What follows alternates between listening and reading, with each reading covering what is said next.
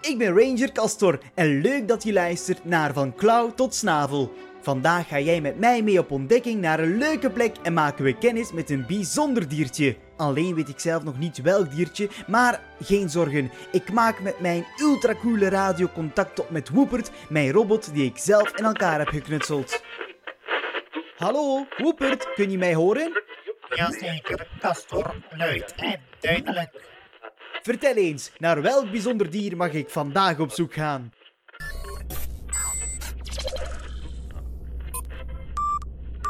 Diersoort vastgesteld. Kijk op je radio. Wauw, een eekhoorn! Dan moet ik naar het bos. Dankjewel, Woepert. Zo, met mijn blieber die ik samen met Woepert heb uitgevonden, kan ik ultra snel naar het bos gaan. Let maar op.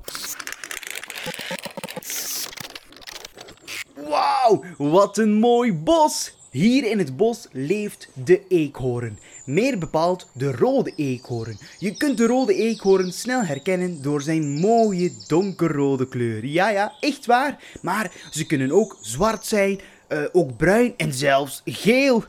ja, een gele eekhoorn. Eekhoorns zijn ook snel te herkennen door hun fluffy pluimstaart. Ja, die pluimstaart die kan namelijk 20 centimeter lang worden. Ja, ja, ja. En die staart die is ontzettend belangrijk om de evenwicht te kunnen bewaren op de hoge soepele takken. En natuurlijk ook om te kunnen sturen wanneer ze van een boomtop naar een andere boomtop springen. Wanneer het winter is, krijgen ze kleine pluimpjes op de oren. Grappig toch? Zo herken je ze ook in de winter.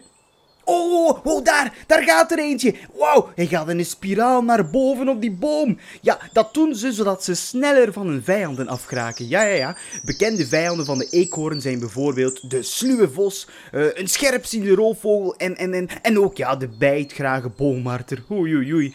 Zeg, ben je ook zo benieuwd welke geluidjes een eekhoorn maakt? Met mijn ultramicrofoon kan ik van heel ver de geluiden opnemen en beluisteren. Luister maar.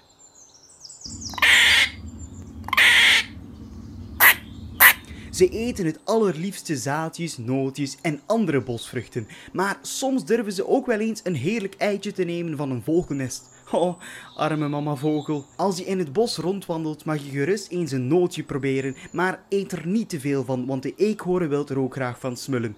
En ja, dat is heel belangrijk, want in de winter hebben ze veel minder energie en blijven ze veel liever in hun knussenest. Dus hun buikje goed rondeten is noodzakelijk. Eekhoorns gaan dus niet in een winterslaap, maar ze doen aan een winterrust. Ja, ja. Oh, oh wauw, de eekhoorn daar gaat in zijn nest. Wauw, ja, in een holle boom vol met takjes, blaadjes en helaas ook afval voelt de eekhoorn zich het liefste thuis. Eekhoorns zijn niet altijd even netjes, maar als het echt te smerig is, dan verhuizen ze gewoon. Wil jij net als ik eens op zoek gaan naar een eekhoorn? Wel, neem dan je verrekijker mee en ga na zonsopgang of vlak voor zonsondergang op zoek in de hoge bomen. Je zult ze ongetwijfeld herkennen door die opmerkelijke staart. In de winter kun je ze nog beter vinden door de weinig bladeren aan de bomen. Maar dan ga je beter in de vroege ochtend op zoek. Oh ja, trouwens, wist je trouwens dat er eekhoorns bestaan die kunnen vliegen? Ja, ja, echt waar. Zo leeft er op het continent Oceanië de suikereekhoorn. Ja, ja,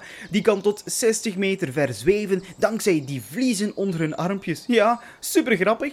Zo, hopelijk vond je het superleuk om met mij op ontdekking te gaan. Tot binnenkort op een nieuwe expeditie.